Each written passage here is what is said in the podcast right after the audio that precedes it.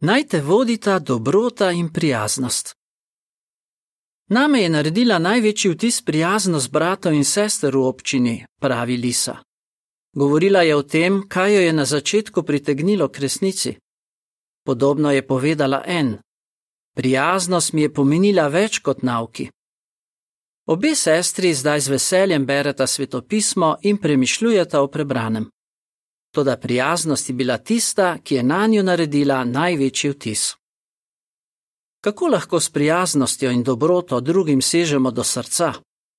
Videli bomo, kako lahko to naredimo z besedami in dejanji. Pogledali bomo tudi, komu naj bi kazali ti lasnosti. Pri govorjenju naj te vodi zakon dobrote. Dobro ženo, ki je opisana v 31. poglavju pregovorov, pri govorjenju vodi zakon dobrote oziroma poučuje prijazno. Dobrota in prijaznost vplivata na to, kaj pove in s kakšnim tonom. Podobno velja za može in očete. Večina staršev dobro ve, da lahko ostre besede negativno vplivajo na otroka. Če starši svojim otrokom govorijo osorno in hladno, jih verjetno ne bo ubogal. Več uspeha bodo imeli, če z njim govorijo prijazno. Kako lahko govoriš prijazno, ne glede na to, ali si starš ali ne? Odgovor najdemo v prvem delu pregovorov 31:26. Iz njenih ust prihajajo modre besede. K temu spada to, da se modro odločamo, kaj bomo povedali in kako. Ponavadi je dobro, da se vprašamo: ali bom s tem, kar bom rekel, vzbudil jezo ali pomiril napeto situacijo. Modro je, da razmislimo, preden kaj povemo. Neki drug pregovor pravi: Nepremišljene besede prebadajo kakor meč. Pregovori 12:18. Če razmišljamo, kako naše besede in ton glasu vplivajo na druge, bomo verjetno lažje obladovali svoj jezik. Zakon dobrote nam torej pomaga, da ne uporabljamo krutih besed in ne govorimo v ostrem tonu. Negativne misli in besede nadomestimo s prijaznimi in pozitivnimi, ki jih izrečemo v prijetnem tonu. V tem nam je dal zgled Jehova, ko je pomiril svojega prestrašenega služabnika Elija. Angel, ki je predstavljal Jehova, je govoril z mirnim in tihim glasom. Prva kraljev 19:12. Seveda je zato, da smo prijazni, potrebno več kot le prijazno govorjenje. Prijazna morajo biti tudi naša dejanja. Kako? Prijazna in dobra dela spodbujajo druge. Jehova posnemamo tako, da prijazno govorjenje dopolnimo s prijaznimi in dobrimi deli. Prej omenjena Lisa je opisala takšno dobroto, ki so jo pokazale priče. Ko smo se kot družina morali na hitro preseliti, sta dva para iz občine vzela dopust, da bi nam pomagala pakirati. Takrat še niti nisem preučevala svetega pisma. To prijazno dejanje je Liso spodbudilo, da je želela bolje spoznati resnico. En, ki smo jo prav tako omenili na začetku, je tudi cenila prijaznost prič. Rekla je: Glede na to, kakšen je svet, sem postala zelo skeptična. Ljudem sem težko zaupala. Rekla je še: Ko sem srečala priče, sem dvomila o njihovih motivih. Spraševala sem se, zakaj se zanimajo zame, ampak ker je bila moja svetopisanska učiteljica do mene iskreno prijazna, sem ji začela zaupati. Kakšen je bil rezultat? Kasneje sem začela več razmišljati o tem, kar sem spoznavala. Lise in En sta se zelo dotaknili prijaznost in dobrota posameznikov v občini, zato sta želeli več izvedeti o resnici. Prijaznost bratov in sester jima je pomagala, da sta začeli zaupati Jehovu in njegovemu ljudstvu. Posnemaj božjo prijaznost do drugih.